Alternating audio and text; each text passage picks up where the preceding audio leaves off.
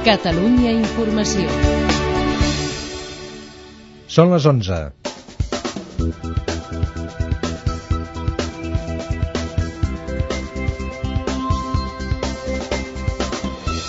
El Pacte Nacional per a la Immigració rubricarà demà amb la firma de Convergència i Unió. El pacte neix amb la voluntat de garantir la cohesió social i la integració dels immigrants. Els estudiants que ocupaven la seu del Comissionat d'Universitats han acabat la tancada després que els Mossos d'Esquadra els han advertit que havien de marxar.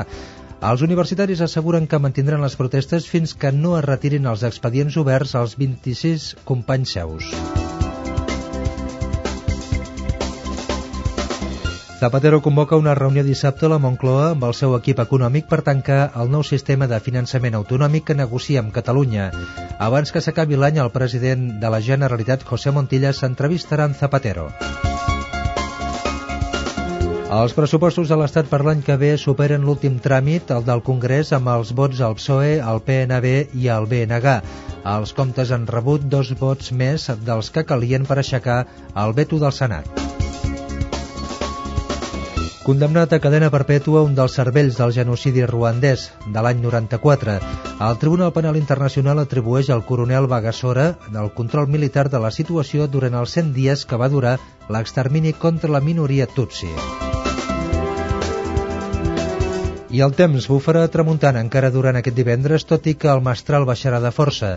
S'espera alguns núvols poc importants amb algun ruixat de neu al Pirineu. A la tarda el sol s'imposarà més.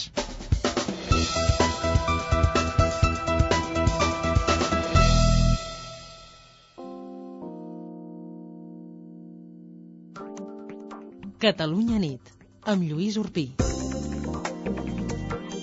Hola, molt bona nit a tothom. Ara passen dos minuts de les 11 i comencem el Catalunya nit de Catalunya Informació parlant del finançament. Dissabte que ve pot ser un dia clau en aquest tema perquè el president del govern espanyol, José Luis Rodríguez Zapatero, eh, té previst reunir-se amb el seu equip econòmic per intentar tancar aquest nou model que estan esperant les diferents autonomies, entre elles la nostra, del nostre país, Catalunya. A més, Zapatero s'ha de reunir amb el president de la Generalitat, José Montilla, abans d'acabar l'any per parlar d'aquesta qüestió i fins i tot no es descarta que es puguin reunir aquest mateix dissabte. I a tot això, avui hem d'explicar també que s'ha trencat la unitat catalana en aquesta qüestió.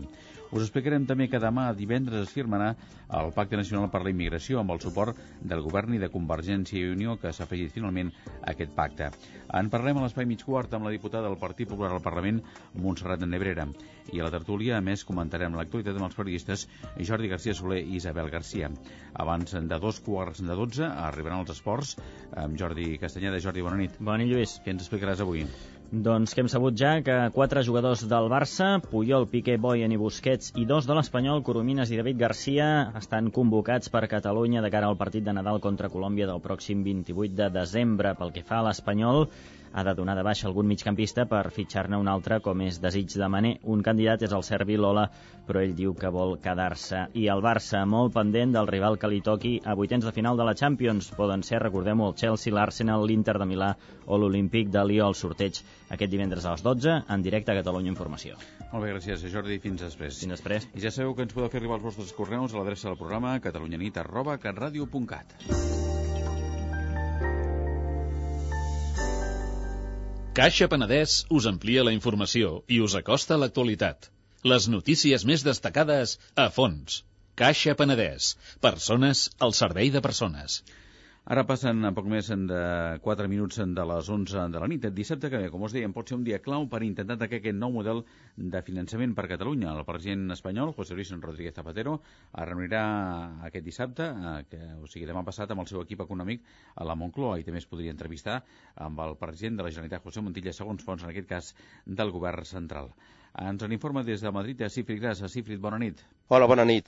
El govern espanyol ha anunciat una reunió entre Zapatero i Montilla que es podria fer el mateix dissabte, però en tot cas el que és segur és que es farà abans que s'acabi l'any. La Moncloa vol tenir un document amb el suport de diferents comunitats, sobretot de Catalunya, que permeti encarar la recta final de la negociació. Avui mateix, el vicepresident econòmic Pedro Solbes ha assegurat que és possible un principi d'acord abans del dia 31 i el president espanyol, José Luis Rodríguez Zapatero, en declaracions a quatre ha dit que vol l'acord el més aviat possible. Jo comprendo que hay comunidades autónomas como Cataluña que tienen eh, prisa.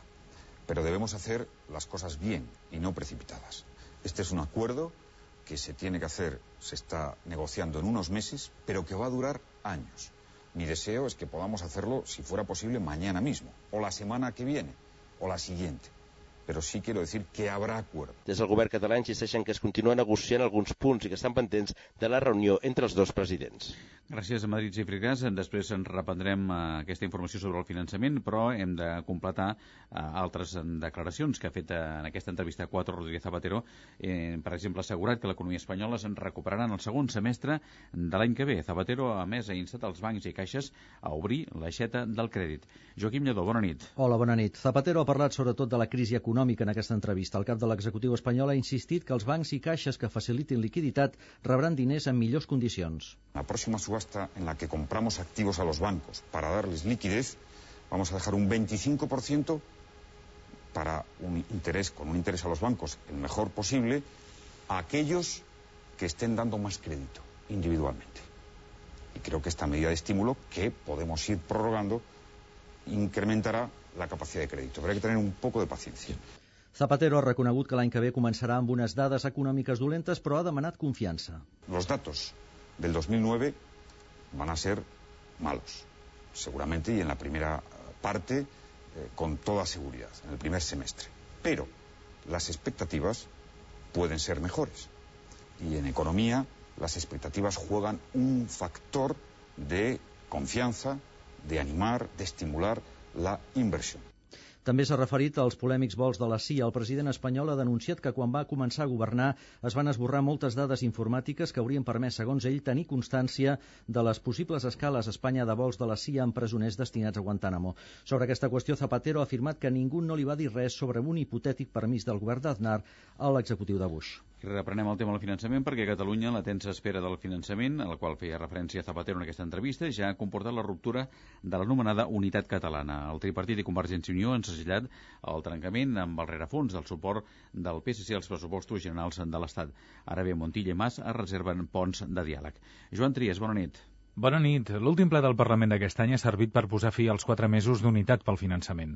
El tripartit ha actuat com un bloc davant una proposta de Convergència i Unió que reclamava variar l'estratègia de negociació amb Madrid, però al capdavall, el posicionament del PSC a favor dels pressupostos de Zapatero ha generat un debat crispat entre Francesc Homs, de Convergència i Unió, i Lídia Santos, dels socialistes catalans. El mes de juliol llegíem Montilla vetarà els pressupostos si no obté un finançament acceptable. A part de no tenir vergonya, menteixen. A part de no tenir vergonya, un dia es posaran vermells el dia que diguin la veritat. Gràcies, senyor president. Perquè en moments de crisi tan greus com les que patim, l'últim que necessita el país, l'últim que necessita la gent és desestabilitzar i una crisi de govern i després, perquè en lloc no he sentit un clamor popular perquè tombem aquests pressupostos. Però els plats trencats de l'hemicicle s'han intentat enganxar després. Avui es feia la recepció de Nadal del Parlament i entre cava torrons i davant totes les càmeres, José Montilla i Artur Mas han escenificat que mantenen capacitat de diàleg. Han conversat sobre finançament i temes banals durant més de 10 minuts. Gràcies, Joan Trias. També encara hem d'afegir sobre aquesta qüestió del finançament que la presidenta del Partit Popular de Catalunya, Alicia Sánchez Camacho, ha reclamat dimissions al govern de la Generalitat si no hi ha acord de finançament amb l'executiu central, amb l'executiu de José Luis Rodríguez Zapatero, abans del dia 31 de desembre. Qui ha estat duent a terme la negociació i qui ha estat dient als catalans que hi hauria un bon acord de finançament abans, fins i tot, de l'aprovació de l'Estatut va ser el president Montilla qui ho està dient també després de l'aprovació de l'Estatut i després dels incompliments és el president Montilla i si això no s'aconsegueix jo crec que el president Montilla ha demostrat i demostraria a tots els catalans que està al capdavant d'un projecte que ha fracassat per als catalans. Fins aquí el tema del finançament, que després comentarem a l'entrevista amb Montserrat Nebrera i també a la tertúlia. Canviem de qüestió. El Pacte Nacional per la Immigració rubricarà demà divendres amb la firma també de Convergència i Unió. Després d'una estira i arronsa i negociacions d'última hora, el govern ha aconseguit el suport del principal partit de l'oposició. En canvi, se n'han desmarcat d'aquest Pacte Nacional per la Immigració el Partit Popular i també el sindicat Comissions Obreres. El pacte neix amb la voluntat de garantir la cohesió social i la integració dels immigrants. Marta Grobalan, bona nit. Hola, bona nit. El pacte inclou més d'un centenar de mesures que s'aplicaran amb un pressupost de gairebé 4.000 milions d'euros fins al 2012. Una de les més ambicioses és la que proposa que els immigrants puguin votar a les eleccions municipals quan faci 5 anys que viuen a Catalunya. També es planteja reduir de 10 a 5 anys el temps mínim de residència legal necessari per obtenir la nacionalitat espanyola. Ara bé, aquestes dues propostes són competència de l'Estat i, per tant, l'aprovació del pacte no suposarà pas la seva aplicació immediata. Precisament, aquestes mesures, juntament amb el reagrupament familiar, són les que més mal de caps han portat el tripartit a l'hora d'aconseguir el suport de Convergència i Unió. I és que la Federació Nacionalista ha demanat que s'incorporin en un annex a banda perquè no són competència de la Generalitat. Una altra de les potes del pacte és tot el referent a la llengua. Només podran aconseguir l'arrelament social els immigrants que demostrin tenir coneixement del català i de la cultura del país. Carme Capdevila és la consellera d'Acció Social i Ciutadania. El pacte representa la primera aposta per integrar a les persones nouvingudes i fer-ho en català. Una aposta clara amb la llengua del nostre país. Es garantirà l'ensenyament del català i no hem d'excloure els immigrants a les persones immigrades de la nostra pròpia llengua. Facilita a les persones reagrupades l'accés a una autorització de treball, lluita contra les contractacions irregulars i millorar els mecanismes de contractació en origen són altres objectius del pacte. Gràcies a Marta. Canviem ara de qüestió. Parlem dels pressupostos generals de l'Estat pel 2009, que ja són una realitat. No hi ha hagut sorpreses i el Congrés dels Diputats han aixecat el veto que hi va haver al Senat a la Cambra Alta i han donat suport al PSOE i als nacionalistes bascos i gallecs. Sí que ha destacat una absència a l'hemicicle, la del líder popular, la del president del Partit Popular, Mariano Rajoy. Anem novament a Madrid, ara amb Txell Feixas. Txell, bona nit. Hola, bona nit. Amb 178 vots a favor, dos per sobre de la majoria, els comptes de l'Estat han quedat aprovats de forma definitiva a la Cambra Baixa. Són els dels socialistes, PNB i BNG. N'han rebut 163 en contra amb tots els grups catalans i el Partit Popular i l'abstenció d'UPD.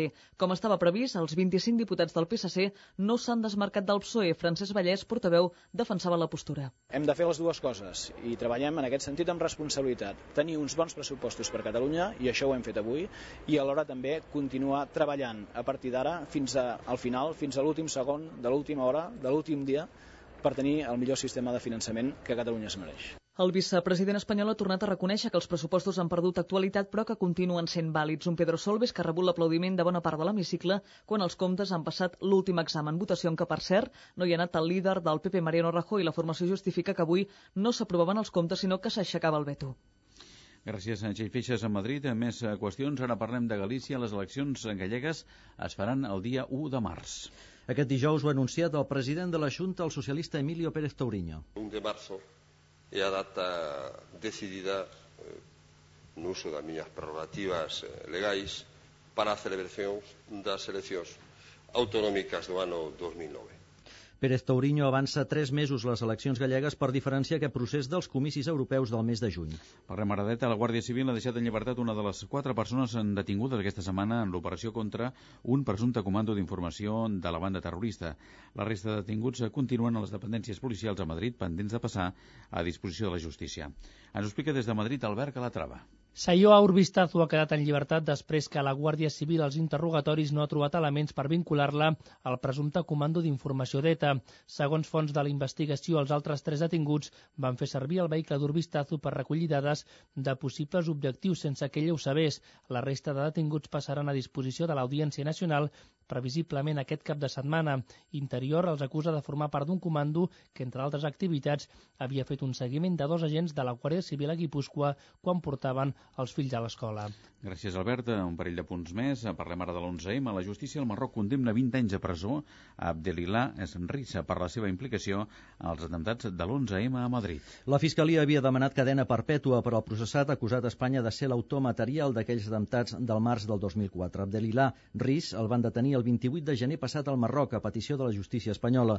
El jutge de l'Audiència Nacional, Juan del Olmo, l'acusa de 191 assassinats terroristes i prop de 2.000 en grau de temptativa. I retiren a Santander l'última estàtua equestre de Francisco Franco. 33 anys després de la mort del dictador, uns operaris del consistori governat pel Partit Popular han tret l'estàtua de la plaça de l'Ajuntament. El seu destí serà el Museu d'Història de Cantàbria quan s'acabi de construir, però mentrestant es guardarà en un magatzem municipal. Ara només queda una estàtua de Franco, que és a Melilla.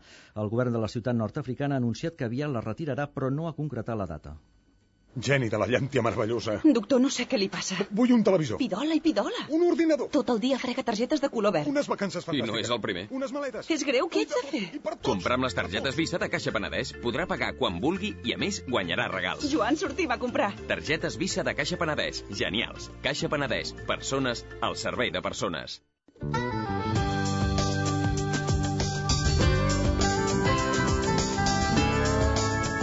Mig quart.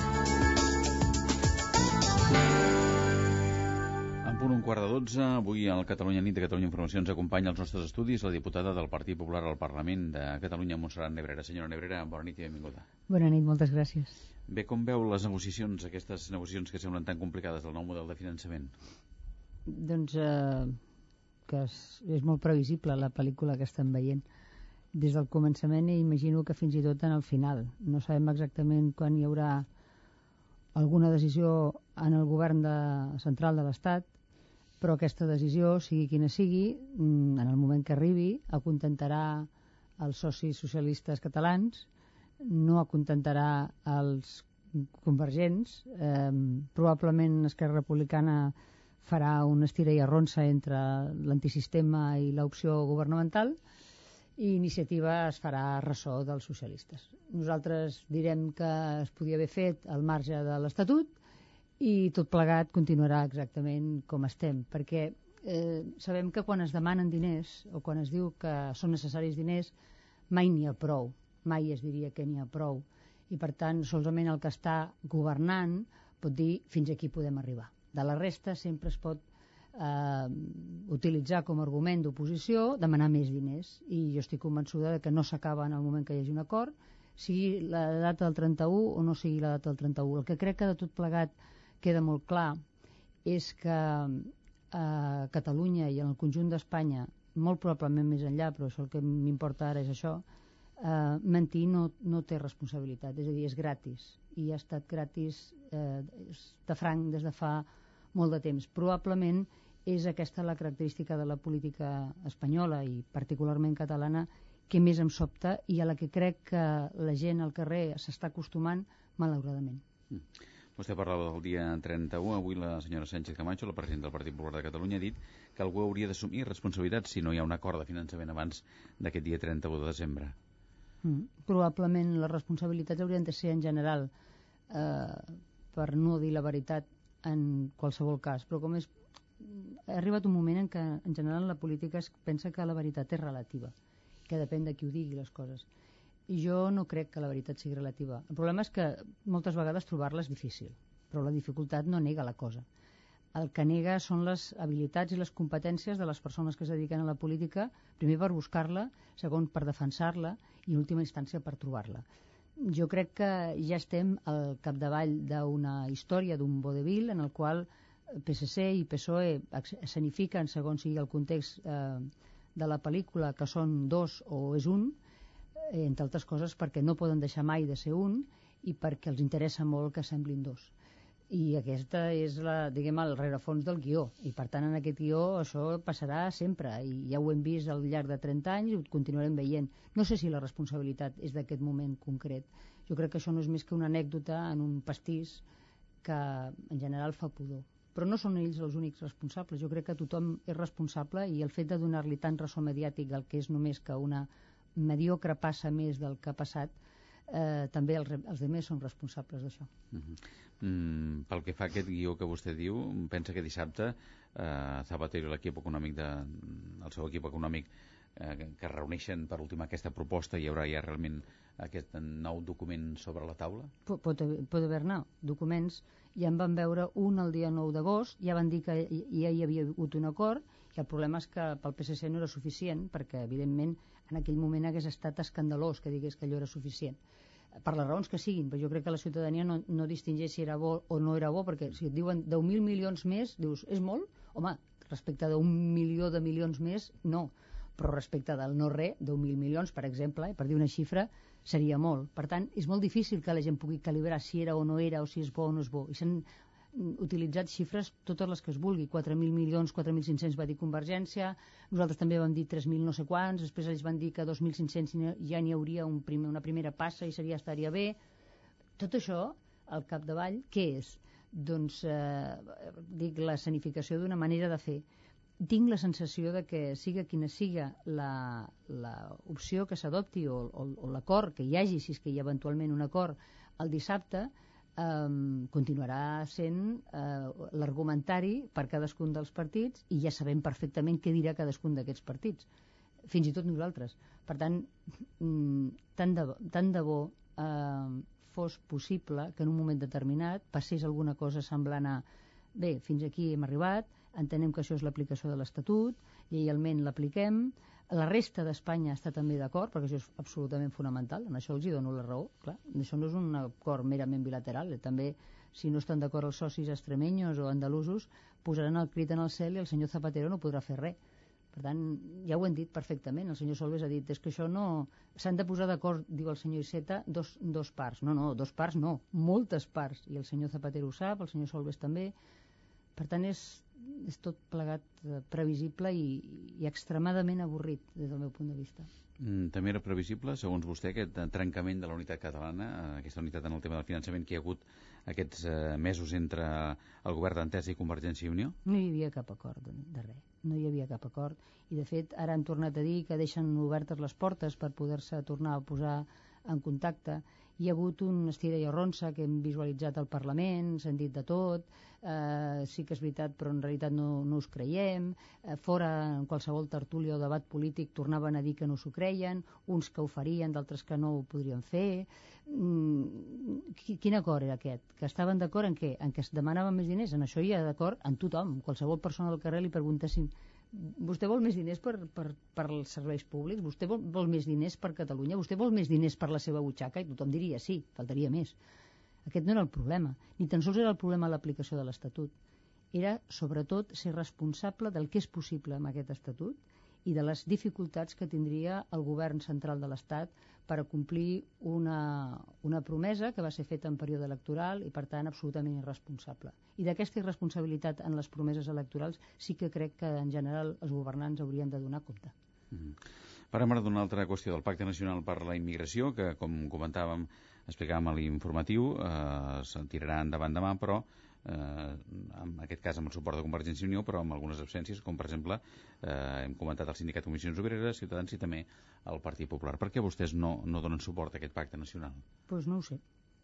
Miri, jo, jo era la ponent en el Parlament d'aquest pacte i m'he estat treballant durant quatre mesos d'una manera, jo diria que no, no frenètica, perquè hi havia altres coses a fer, però hi vam fer molta feina. Moltes de les coses que s'han incorporat al, al pacte és el resultat, i ho puc dir molt orgullosa, d'una tensa negociació en la que vaig intentar explicar i jo crec que al final es va entendre que hi ha coses que jurídicament són impossibles. D'altres, com nosaltres ja hem abandonat el pacte no s'han incorporat pel que he sentit ara mateix perquè no sabia quin era l'extrem en el contingut que finalment s'havia pactat Crec que ha estat mm, molt bona aquesta estratègia de Convergència i Unió de separar el que forma part de les competències del govern central de l'Estat o del, diguem, de l'aparell central de l'Estat i de l'aparell autonòmic perquè hi ha coses en les que nosaltres no ens podem comprometre, no formen part de la nostra possibilitat i la veritat és que mm, no, no, no ho sé, no sé per què. Vull dir, no sé, sé que hi havia coses, hi havia molts obstacles, però alguns dels obstacles els havíem anat vencent.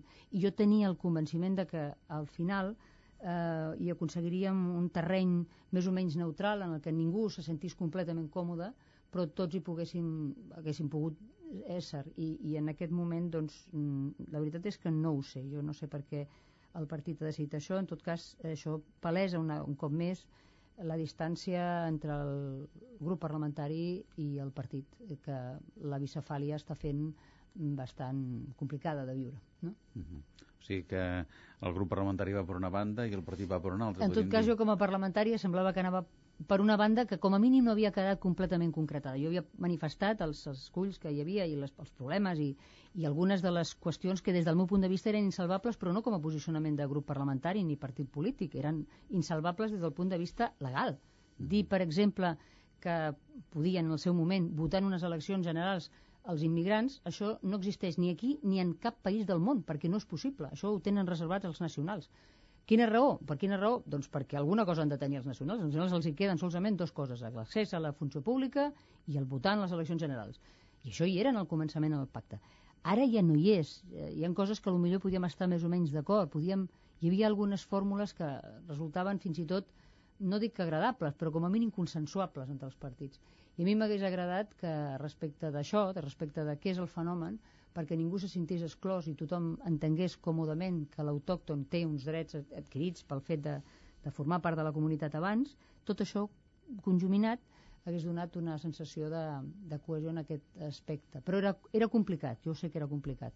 No sé quan s'ha trencat i en tot cas, bé, mm, espero que no entenguin en la gent en general, la gent que ha vingut aquí i la gent que, que vol quedar-se, que això nega res de la seva condició humana i de la seva dignitat i jo espero que en el futur eh, trobem la fórmula per integrar la gent que arriba.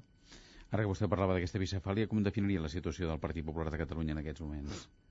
Bé, eh, el partit eh, doncs ja té uns nous òrgans de govern i fa, estan fent la feina. Jo crec que fan tot allò que poden i que ho fan a fi de bé i espero i els hi desitjo tota la fortuna del món i, i espero i desitjo que, que fem en les properes conteses electorals un bon paper i sobretot que, que recuperem la confiança d'una part important de la ciutadania que sembla per les enquestes que podíem haver més o menys perdut i que crec que no és just respecte de la gent que hi treballa dins.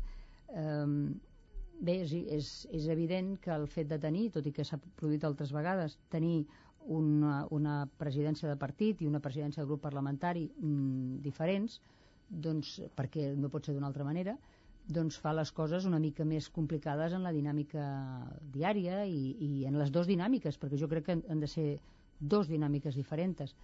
El problema és que, com ja se sap, la dinàmica parlamentària està absolutament eh, condicionada per les polítiques de partit, que aquests partits polítics que tenim eh, enfortits, perquè la Constitució ho va determinar així, hores d'ara ja han eh, condicionat no solament la, la democràcia parlamentària, també totes les institucions i fins i tot en algun cas d'una manera dramàtica, i que probablement estem en el moment de començar a considerar seriosament i no com fins ara de manera frívola si aquest sistema electoral que tenim i aquesta manera d'exercir allò que anomenen els politòlegs anomenen la partitocràcia no hauria de començar a rebaixar-se i jo crec que un exemple com aquest, una situació com aquesta i el fet de que sigui incòmode eh, eh dona eh, instruments per l'anàlisi, no solament pel Partit Popular, en general per tota la democràcia, mm -hmm. per tots els partits polítics.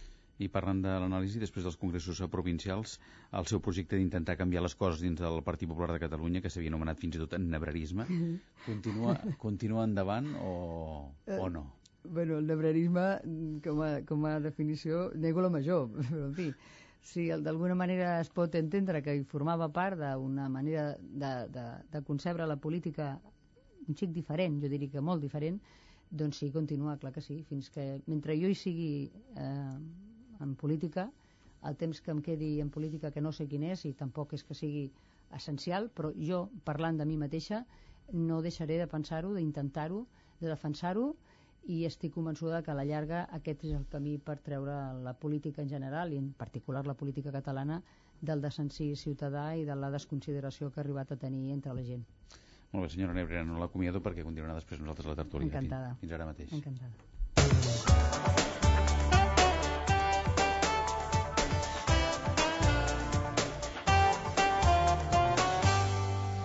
I ara els esports amb Jordi Castanyeda. Jordi, bona nit de nou. Bona nit, Lluís.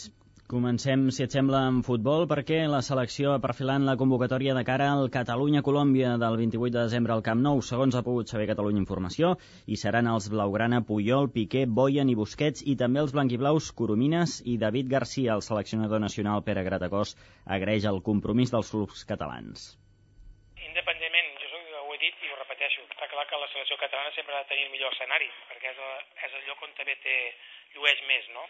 Però tots els partits de la selecció catalana per mi són especials, no únicament aquest i perquè jugui al Camp Nou, quan juguem al Camp de l'Espanyol o quan juguem a qualsevol altre camp també són molt, molt importants. Però sí que és veritat que, que jugar aquest partit eh, contra Colòmbia dona la possibilitat de que hi pugui venir molta gent. Capdevila del Villarreal encara no té el permís del club i no hi seran Serrano del Racing ni els catalans que juguen a Holanda i Anglaterra, és a dir, Oleguer, Gabri, Cesc, ja que tenen competició. A partir de la temporada vinent, però, els partits de la selecció abandonen el format nadalenc i entren en el torneig de les Nacions. El Barça espera arribar al par als vuitens de final de la Champions. Només li poden tocar quatre equips que són l'Inter de Milà de Mourinho, el Chelsea de Deco, l'Arsenal de Cesc o l'Olímpic de Lió de Benzema. Catalunya Informació us oferirà en directe aquest sorteig el divendres, és a dir, demà, a les 12 del migdia des de Nyon. I en clau de Lliga, el blaugrana Boyan creu que una victòria contra el Villarreal aquest diumenge els deixaria molt bé el títol.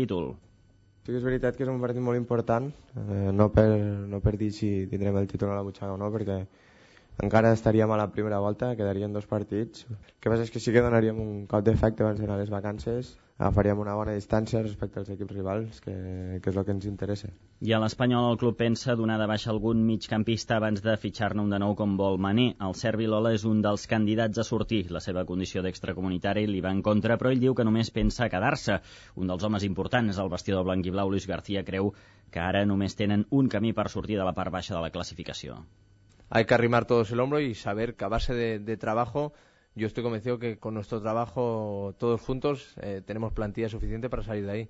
Pero hay que estar mentalizado y saber que, cada vez queda menos y, que cada punto vale oro. Entonces creo que no hay que relajarse ni lo más mínimo porque equipos y plantillas mejores que las nuestras se han ido a segunda. Entonces creo que hay que tomar responsabilidad de todo esto. I resultats de l'UEFA d'aquest vespre, Sampdoria 1, Sevilla 0, Racing de Santander 3, Manchester City 1. Amb aquest resultat, Sevilla i Racing queden fora de la UEFA. I un últim apunt per la natació. Cinc nedadors catalans participen al Campionat d'Espanya. Aquest divendres entren en competició els medallistes europeus Mireia Belmonte, Ashwin Wildebur i Alan Cabello. Gràcies, Jordi. Fins després. Fins després.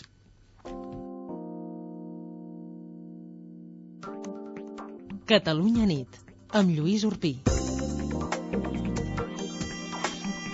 Ara és el moment de repassar algunes de les principals notícies d'aquest dijous, 18 de desembre. Ho fem tot seguit amb Josep Almirall. Josep, bona nit, quan vulguis. Hola, bona nit. El president del govern espanyol, José Luis Rodríguez Zapatero, es reunirà dissabte que ve amb el seu equip econòmic amb l'objectiu de tancar el nou model de finançament per a Catalunya. Zapatero i el president de la Generalitat, José Montilla, es podrien entrevistar després, segons fons a la Moncloa. Mentrestant, a Catalunya, l'anomenada Unitat Catalana pel Finançament ha quedat trencada en una dura sessió al Parlament. Tot i la ruptura, Montilla i el líder de CiU, Artur Mas, han escenificat ponts de diàleg. El Pacte Nacional per la Immigració es rubricarà demà divendres amb la firma de Convergència i Unió. Després d'una estira i arronsa i de negociacions d'última hora, el govern ha aconseguit el suport del principal partit de l'oposició. En canvi, se n'han desmarcat el Partit Popular i el sindicat Comissions Obreres. El Congrés dels Diputats ha aixecat el veto del Senat i ha aprovat els pressupostos generals de l'Estat pel 2009. No hi ha hagut sorpreses i han donat suport al PSOE, al PNB i al BNG. Els estudiants que ocupaven la seu del Comissionat d'Universitats han acabat aquesta nit la tancada després que els Mossos d'Esquadra els han advertit que n'havien de sortir. Han continuat la mobilització al carrer. Els universitaris asseguren, però, que mantindran les protestes fins que no es retirin els expedients oberts a 26 companys seus. I el temps bufarà tramuntant encara durant aquest divendres, tot i que el mestral baixarà de força. S'esperen alguns núvols poc importants amb algun ruixat de neu al Pirineu. A la tarda el sol s'imposarà més.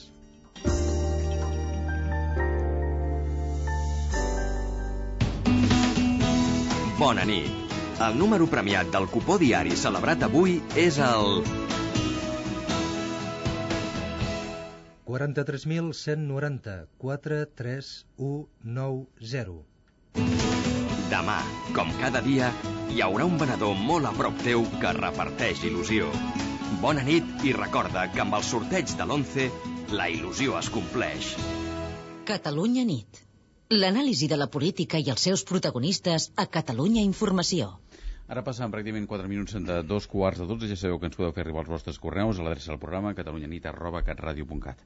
Pel que fa a la tertúlia, avui, com us dèiem, continuen amb nosaltres Montserrat Nebrera i ens acompanyen els periodistes Jordi García Soler i Isabel García. Bona nit i benvinguts. Bona nit. Hola, bona nit. Bé, d'entrada volen comentar alguna cosa del que ha dit la senyora Nebrera ara fa uns instants a l'entrevista? Mm, jo diria, jo conec a Montserrat de Vera perquè hem estat contertulis en altres llocs, eh, a TV3, altres èpoques, l'he vist molt pessimista. Mm, jo diria que l'he vist en hores baixes. No semblava la Montserrat Nebrera prediputada. És Eh, que això plana molt, eh? Això de la política aquesta tan avorrida sí, plana és molt, possible. eh? De tota manera, sí que hi ha una... portem un dia. Sí, però a part jo diria que avui jo com a demòcrata eh, compartiria una mica la tristesa de la senyora Nebrera. I la compartiria per una cosa, per l'espectacle que m'ha semblat penós del diputat Francesc Homs avui al Parlament. No es pot dir el que ha dit ell. És a dir, només des d'una concepció totalitària de la política es pot titllar a qualsevol altra força política de traïdora a un país. És a dir, es pot discrepar, es pot criticar, es pot tot el que es vulgui, però només aquell que es considera únic representant d'un país és el que considera traïdor a qui manté una altra política. I això em sembla molt preocupant i com a demòcrata em sap greu. I penso que el Francesc Homs, que és un demòcrata convençut, eh, se'n deu haver penedit a hores d'ara. Hi ha hagut altres coses que poden sonar malament i que sonen malament, que si poca vergonyes, que si mentiders, etc. Però mira, això a la gent se li escalfa la boca. És com allò, les, les bajanades de Manuel Fraga o de Joan Tardà. Semblen bajanades. Eh? Però l'altre, quan s'arriba a aquest punt, jo crec que hi ha poques coses en democràcia en què un ha de ser absolutament intolerant. I amb els intolerants jo sempre seré intolerant. I per mi, aquell que titlla un altre de traïdor a la pàtria eh, és un intolerant. Per tant, un totalitari. Sembla que hauràs d'augmentar el ventall perquè aquesta frase de traïció s'ha fet servir avui també a la sessió del Congrés i aquesta frase de traïció al país els socialistes l'han fet servir al Parlament en contra dels, dels diputats de Convergència. Traïció jo no la recordo Sí, mai. no, pues, eh, en reiterades ocasions. Doncs És sembla- més, avui una diputada molt destacada dels socialistes eh, després de l'espectacle, vergonyant, estic d'acord amb tu, de, Sí, sí. eh, no tenen vergonya i menteixen i tal, hi ha hagut alguna frase del tipus vostès són molts patri molt patriotes però s'emporten els diners a l'estranger. O sigui que espectacles d'aquests Jo també tinc una d'aquestes. De Perquè una de, la, una de les diputades que avui han estat protagonistes, no diré el nom, però tothom sap eh, de qui parlo perquè ha parlat molt, avui i en, més en el rifirrafe amb en Francesc Homs, eh, ara fa pocs dies vam fer un acte en una població sobre la Constitució i en un moment determinat ella em tirava per sobre doncs, el del recurs, que és molt recurrent, no? el recurs que heu presentat, Dic, bueno, però també el defensor del poble i crec que socialista. Resposta. La perversió, aquesta és una de les perversions que produeix el terrorisme, el que una persona socialista acabi pensant com un del Partit Popular. Aquesta és una frase d'un sectari. Mhm. Això és una evidència. Això és no? sectari. I això és sectari. I, i jo, jo m'envergonyeixo de que en el Parlament hi hagi persones de, de, de, amb aquest estil, algunes de les reaccions mm, barriobajeres que, que he vist en els diputats, diuen que ja s'havien produït. Jo m'he quedat bocabadada. O sigui, si a l'estil aquest també diu que a més és multiplicat per 4 que el que hi ha al Congrés de Diputats, això, això hauria d'estar no solament... I el del Congrés dels Diputats Bueno, una és cosa- 10 esto- vegades menys que el d'Itàlia. Però quina manera de parlar. I hi havia un altre que deia que si les curves de, los de les diputades del Partit Popular i l'altre no sé què.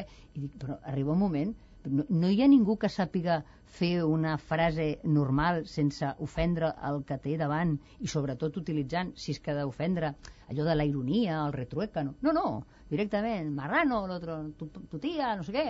Això és el nivell Això- en el que arriben al Congrés de Diputats i estem a un Estem. passet d'arribar aquí. no, no, eh? avui, avui hem estat a aquest pas. Bueno, no és molt habitual al Parlament de Catalunya. No, és- la és veritat molt Jo, avui, jo lo d'avui no ho havia sentit mai. Eh? Sí, no, sí Mai. que s'ha sí que s'ha fet servir en, direcció contrària, s'ha fet servir Jo diverses no- vegades. a mi Avui el que ha m'agradaria- donat, ha donat la casualitat de que just avui al Congrés s'ha fet servir la mateixa expressió també, Mm. entre diputats catalans. I, i dius, alguna cosa està Sí, no passant. l'ha utilitzat és Josep. Sánchez Llibre. Sí, sí. Cert. Pues sí, el sí, no. Que... Però és que, Llavors, aviam, el que és aleshores, que aleshores em penso, ara que que dius els això, eh, acabo pensant que aleshores no és un lapsus lingüe. No, I aleshores, no, és una jo- estratègia política. Doncs aleshores em sembla gravíssim, perquè quan s'entra per aquí eh, es comença parlant de traïdors, Sí, però no t'equivoquis, no és que sigui una estratègia política de Convergència en aquest moment, és que els socialistes l'han fet servir quan els hi ha convingut. jo no eh? recordo mai Són- fins sí, ara sí. al Parlament de Catalunya ni al Congrés dels Diputats que ningú hagi titllat de traïdor a la pàtria a ningú. Doncs, a ningú. És qüestió d'anar al, al Mm, diari de sessions. m'a- però... M'agradaria un- conèixer-ho. Fer un research Però- de la paraula però- traïdor i surten aquí tots Sigui qui sigui qui ho fins digui, de les em moreres, sembla de les que és un aprenent de bruixot, que es juga amb foc i al finalment un s'acaba cremant a les brases. El fumut és que ens podem acabar cremant tots a les brases. I dic, eh, aquell que considera traïdor a la pàtria algú perquè discrepa de la seva manera de pensar és, en el fons, un totalitari. Sigui qui sigui. Però ja, ja, ja comencem a estar una mica xamuscats, eh? Jo crec que ja hem entrat en una, en una davallada, diguem, de formes que es corresponen a una davallada des del meu punt de vista quasi bé moral o espiritual. Hem arribat a un punt una mica complicadet. No sé si és el decliu de l'imperi americano, però mm, s'assembla molt, eh? Però després de la davallada de formes amb les Sí. sí. frases aquestes que hem sentit avui, aquí a Barcelona i a Madrid. Sí que és veritat que a Madrid són més reiterades i l'altre dia van tenir un gran nivell, un gran debat de nivell parlant dels los retretes de Moncloa. Bueno, és igual. Jo crec que és pitjor Si tu les Nadales va lluir. És pitjor per la imatge de la política una cosa que ha passat avui i és que eh, s'ha votat el veto, s'ha aixecat el veto als pressupostos i el senyor Rajoy no hi era. Sí, cosa que a mi m'ha semblat inconcebible i l'explicació És- donada pel PP em sembla, mm, si més no, còmica. És jo dir, crec que l'altre, el, el A mi tema el que em dels... sembla còmic hores d'ara és el Senat perquè clar, s'ha aixecat el veto i ja està acabat o sigui, ens costa un, un congo o, o fem del Senat alguna cosa Sí. semblant a alguna Sí. cosa raonable o que el treguin doncs si reformem la Constitució el que fem és treure el Senat i així ens estalviem i posem allà un hospital o alguna cosa on posem les mueles no? Però jo lo- l'altre no sé com ha ca- ha acabat No, però lo del senzillament- Senado que diu no, senzillament- levantamos el veto o sigui tot un tràmite per arribar a que diguin que lo vetan el treguin el veto Que la votació- facin no sé què i diguin pues ala, No igual obstant, al mateix lloc. El- al per- mateix lloc. per arribar al mateix el lloc, no el retrete del Congrés. La frase aquesta de que el Senat no serveix per res, bueno, l'estem arrossegant des de fa molt de temps. que I durant la legislatura... I, va, i van reformar l'edifici. Anem a fer la Van reforma, reformar anem a fer la reforma. No, reformen l'edifici. Sí, no, l'edifici el van reformar, tenen un... Jo crec que l'hemicicle és molt millor que el del Congrés. Sí, és molt maco. Molt més còmode Perquè i nou. per treballar i tot això. I, i, i anejos, perquè hi ha I uns anexos, annexes sí, que hi ha, hi ha algun anexa que sí, que, Eh? que és digne del de, el millor gimnàs de Barcelona. Sí. Però, mm, clar, la cosa en si, ningú la ningú toca. sap per què serveix. Bueno, No. és igual. El que jo em referia és que la imatge d'avui del- a l'escó del senyor Rajoy després de les crítiques a la política econòmica del govern buit a l'hora de No votar anar-hi. Doncs la veritat és, dius, l'alternativa està ausente. El- No sabem on està. Aviam, jo et diria, qualsevol país europeu democràtic, de tradició democràtica, eh, que el cap de l'oposició no assisteixi a la sessió en què s'aprova definitivament els pressupostos, encara que sigui mitjançant aquesta fórmula d'aixecar el veto que li havia posat el Senat, bueno, seria un escàndol polític de primera magnitud, ocuparia titulars de portada i algú en el seu partit eh, exigiria el seu relleu immediat. Eh, amb el senyor Rajoy li demanen el relleu immediat des d'abans de ser elegit eh, president del seu partit, però no ho faran en aquest cas. També s'ha de dir que la mitjana d'assistència al Congrés en el que portem de, de període de sessions, bueno, que s'acaba avui, ha sigut bastant lamentable. És de nota, no? O sigui, les imatges dels escons buits són tristes, però clar, en un debat com el d'avui, la- l'assistència votació. està, era obligatòria. De part hi ha hagut una anècdota curiosa, perquè hi ha hagut un diputat del PP sobre que S'ha equivocat, equivocat. i ha votat a favor. Bueno, però això passa No, a totes les famílies, eh? sí. Perquè avui hem tingut errors, errors de, en les votacions aquestes en les que un vota i ho ha de saber la gent, no? Un voten moltes vegades coses que no sabem exactament què votem perquè aquesta és l'altra imatge patètica que també s'hauria de pensar al Senat, a veure què fem amb ell. I després això de que es vegi, per exemple, en el tripartit ara mateix, els, el govern dels tres partits que hi donen suport al govern, es veu com cadascú aixeca el braç, no? O sigui, el senyor Iceta aixeca el braç, el senyor, la senyora Camats aixeca el braç, el senyor, la senyora Simó aixeca el braç i diu 1, sí, 2, no, 3, abstenció. Bueno, primer, podien estalviar-se i solament aixecar el braç un d'ells. No sé si el senyor Iceta o la... és igual. I en segon lloc, és patètic. Això de que, en realitat, quan diem que algú s'ha equivocat no és que pensem que, que ha dissentit, és que s'ha equivocat, perquè allà no, no pot votar ningú més que el que toca votar. Per tant, que la llibertat, de, o sigui, la democràcia parlamentària com a tal, això de la disciplina de partit, que no està a la Constitució, que no està en lloc, se l'ha carregada. I per tant, el que podien fer és estalviar-nos també els parlamentaris d'anar-hi, perquè delegant com va fer la senyora Camats quan estava de baixa per maternitat, no sé per què no podem delegar els demés, inclús el senyor Rajoy, que millor tenia que anar al metge, no sé. És a dir, per què un senyor una senyora diputada que està de baixa per maternitat pot i una senyora que està fent quimioteràpia no pot? A veure, és una pregunta que no, no a mi no m'ha resolt poses ningú. temes, qüestions extremes, Etcètera, però és que si ens, si ens posem a estalviar podríem estalviar al Parlament, així. No, Evidentment. no, aviam, sí, sí, eh, sí, no. una part important de les Si ens no, podem no, estalviar, no, no, si, bé, podem- amb- si, ens ho vam portem, estalviar. si, podem, si portem aquest argument estalviar a durant- l'absurd... No, les podem fer per, Això ens ho vam estalviar durant te- 40 anys. Per Sí. internet o per no, no, jo- videoconferència. No, no, no, ens ho vam estalviar durant parlant. 40 anys. Estic eh? portant I l'argument, jo no tinc aquest argument a l'absurd. Jo l'argument aquell que deia Franco, que era No, haga, haga fer- usted, No. haga, haga usted como yo, no se meta No, en que, el política. que No, s'ha però de Jordi, fer és al és... revés, és fer-lo efectiu. El que s'ha de fer és anar a fer la feina. anar a fer- És anar a fer la Ah, feina. Sí, bueno, jo crec que no hi ha, anar com, com, jo crec que hi ha molts més vens diputats. a votar el que, el que molts diuen. més diputats que fan la feina Hi ha molta que diputats que no en feina. fan. Eh, N'estic convençut. I ho he vist moltes vegades. Mm, aquí a Barcelona... Però feina se'n fa. El problema és que aquesta feina, és a dir, a la, a la llarga, en, en allò que és, que és la, la part més ritual, que és el moment de votar, ja se sap el que votarà cadascú d'ells. Diu, després- és que com està de gripe, que els hi falta un vot, que hi ha gent que l'han portada pràcticament amb, amb parihueles No, no, a que voti. I quan una persona està de baixa de maternitat, sí que pot deixar de votar i fins i tot sap el senyor president del seu partit què és el que vota, perquè ara no sé quines cors han fet que pugui votar per València. internet, no? València. A València ha estat. Doncs, però no, és que en aquest cas, jo, el temps de baixa de la senyora Camats, el senyor diputat president, el senyor Bosch, que era el, el, el, cap del grup parlamentari, sabia el que votava en cada elecció. Per tant, tenia una evidència que li deia... Això, el que, el que diu què és? Doncs que en realitat això és una pantomima i que en realitat podia estar el president de cada grup, comptar els que té, i no fa falta que vagin en aquest, en aquest cas aquest concret. cas. És a dir, en aquest, en aquest sentit, perquè la disciplina de vot està Mhm. determinada. Per tant, si s'equivoca algú, si s'equivoca algú ja No, el que passa és que el aleshores hi hauria, aleshores s'ha de canviar totalment el, el, el sistema electoral, electoral. home, per tant, però- però això és una cosa que demana elecció- crits la Sí, sí, ciutadania. elecció nominal, eh, etcètera, nominals, etcètera. circumscripcions uninominals, Mm. barallar-se per l'escó, respondre davant dels electors de... de...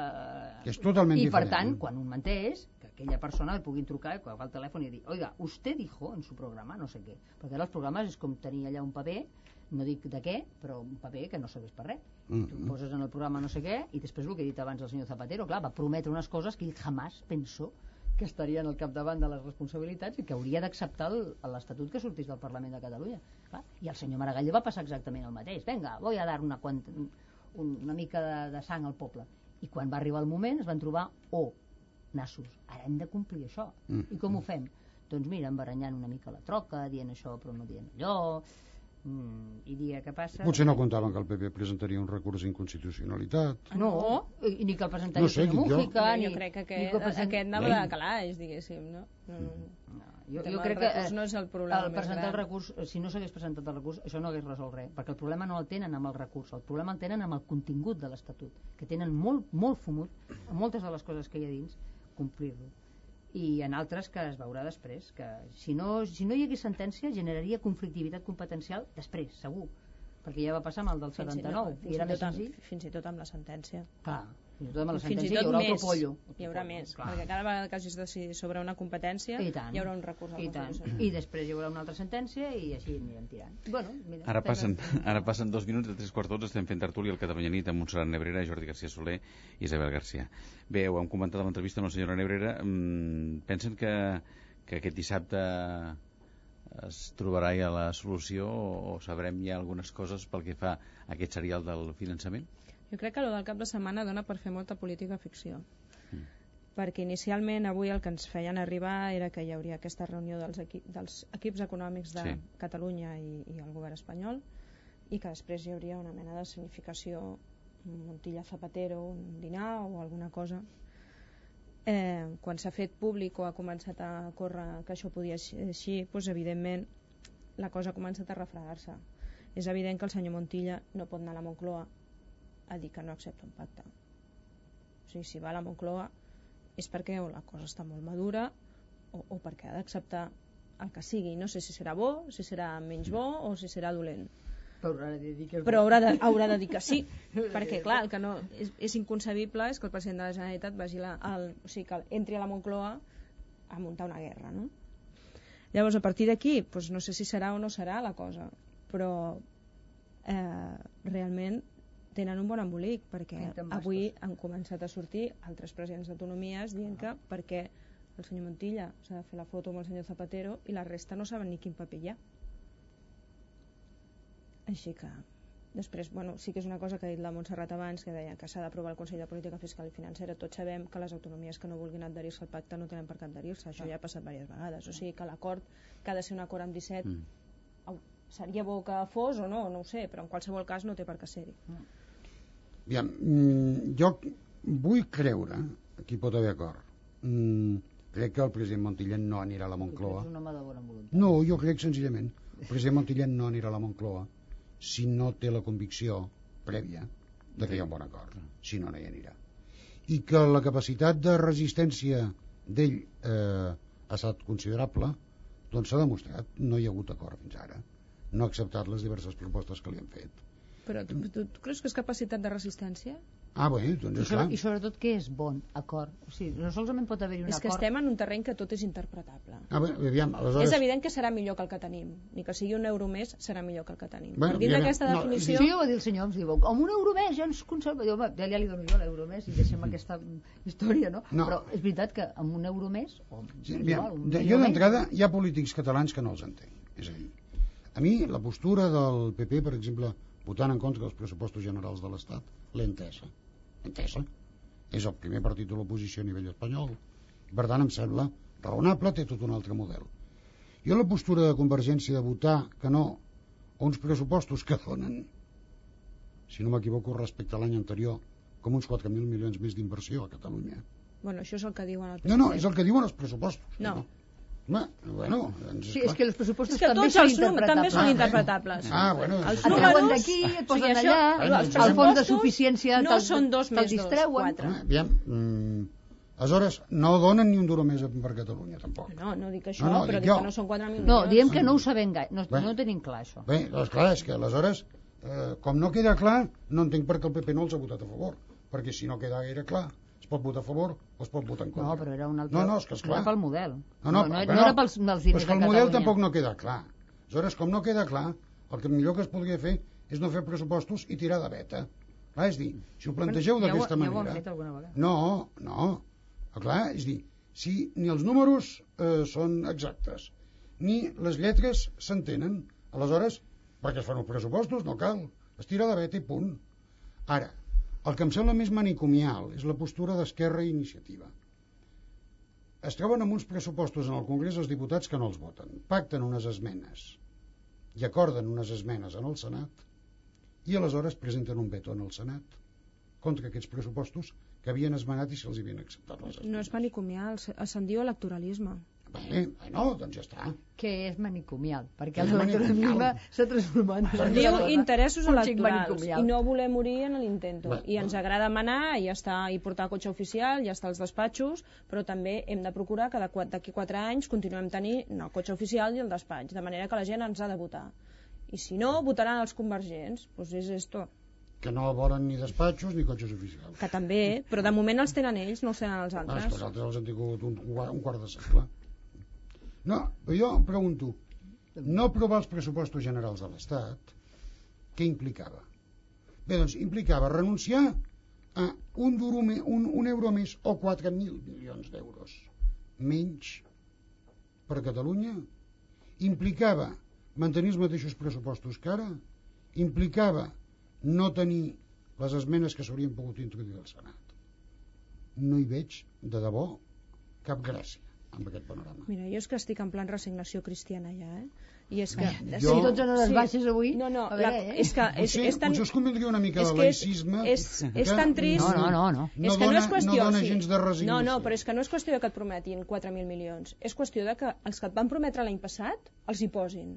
I no, els han posat. posen. Ah, no els han posat. No executen tot el que prometen, les inversions no s'executen... A vegades per un niu d'estornells canviem la pista de l'aeroport vuit vegades. Bueno, però això ho fa el govern que està ara, també. No, I l'anterior també. Eh? Llavors, I si els milions i que quan- t'han promès ja no te'ls prometen, doncs vinga, doncs anem a demanar. A Escolta, Catalunya ens passen coses tan rares que hem estat a punt de perdre una inversió de les més importants que ha fet l'administració central a Catalunya en els últims decennis, que és la de l'AVE, perquè de sobte els dos partits que quan ocupaven el govern central i el govern de Catalunya pacten un traçat de l'AVE pel mig de Barcelona. El pacten. I aleshores? Amb, els, amb els, el recolzament dels alcaldes d'altres partits. Sí, sí, no, no, però jo dic... No, Fonamentalment amb el condicionament dels alcaldes, dels alcaldes d'altres del partits. Partit no, Socialista, que han deixat el l'AVE com si fos l'esquena que jo tinc, que és una mena escoliòtica. No, no, és a dir, no se sap per on ha de passar per acontentar el d'aquí, el d'allà... L'alcalde socialista d'allà, l'alcalde d'iniciativa de l'altra banda, a part dels dos partits que estaven al govern. No, però el, el traçat, per, jo estic parlant del traçat per dintre de Barcelona.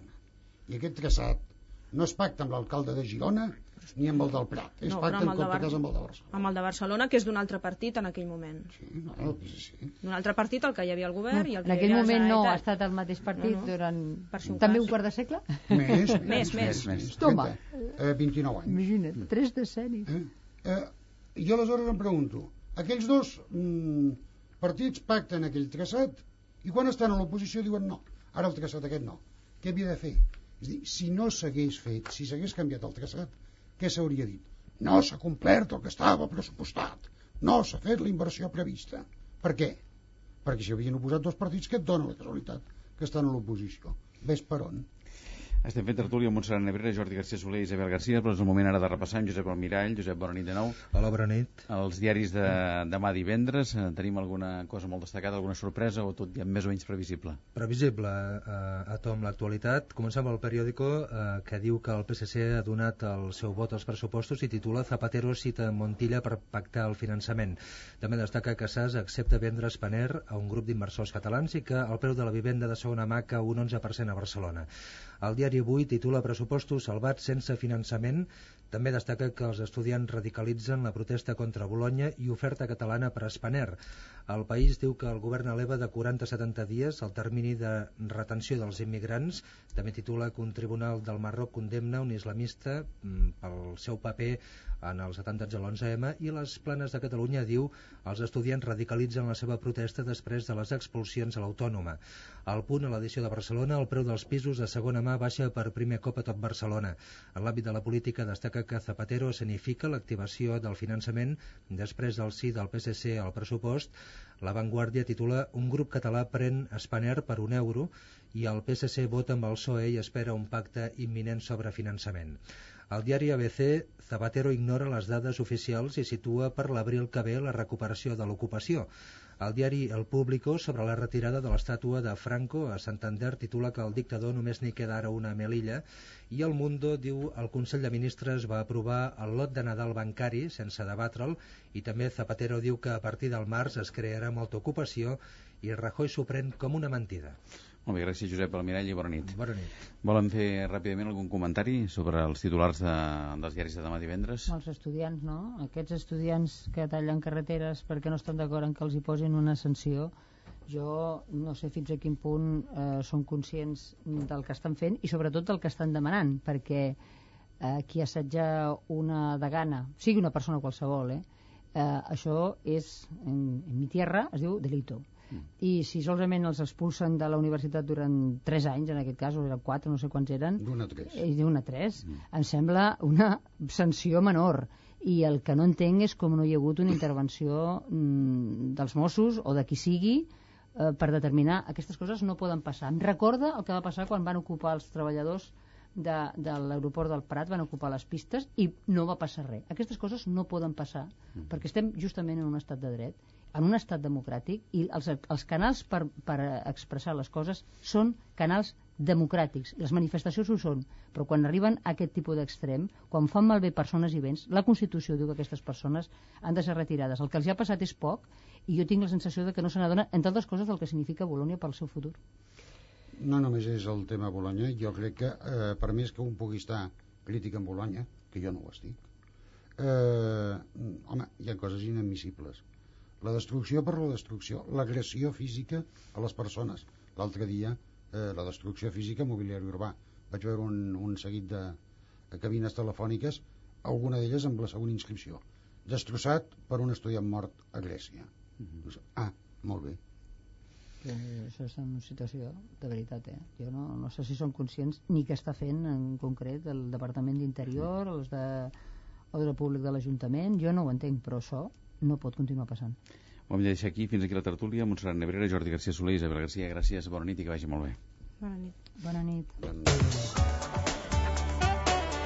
I l'últim minut del programa per algun titular i el reflexió amb Jordi Castanyeda. Jordi, bona nit de nou. Bona nit. Doncs eh, recordem eh, que quatre jugadors del Barça, Puyol, Piqué, Boyan i Busquets, i dos de l'Espanyol, Coromines i David Garcia, hem sabut que estan a la convocatòria de Catalunya per al partit de Nadal contra Colòmbia del pròxim 28 de desembre. I parlant de la reflexió, ara comentàveu aquests episodis de violència, incidents greus entre el Paris Saint-Germain i el Twente. Alerta que el futbol francès es posa en l'epicentre dels violents. L'Olímpic de Marsella el PSG ja són diferents. Els clubs francesos que tenen aquest eh, capítol de seguidors radicals que protagonitzen batalles campals. Gràcies, Jordi. Bon dia, eh, bona nit i fins demà. Bona nit. I demà parlem amb el president de Convergència i Unió, Artur Mas. Fins aquí el Catalunya nit d'avui, que han fet possible Joaquim Lledó, Josep Almirall, Jordi Castanyeda, Marta Jerez, Júlia Paricio, la secció de política i qui us parla, Lluís Urbí. Fins demà. Gràcies per la vostra atenció. Bona nit i molta sort.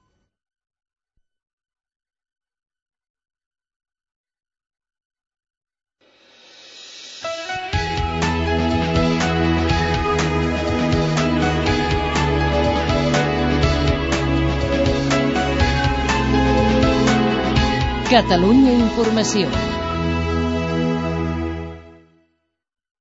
És mitjanit.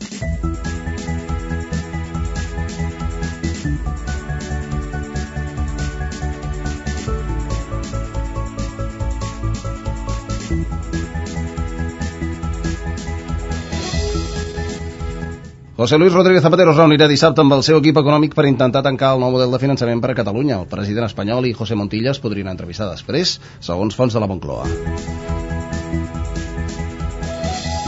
El Congrés dels Diputats ha aprovat avui mateix els pressupostos de l'Estat per l'any vinent amb l'absència destacada del líder del PP, Mariano Rajoy. Els comptes han rebut el suport dels socialistes, inclosos els 25 diputats del PSC, el PNB i el Bloc Nacionalista Gallec.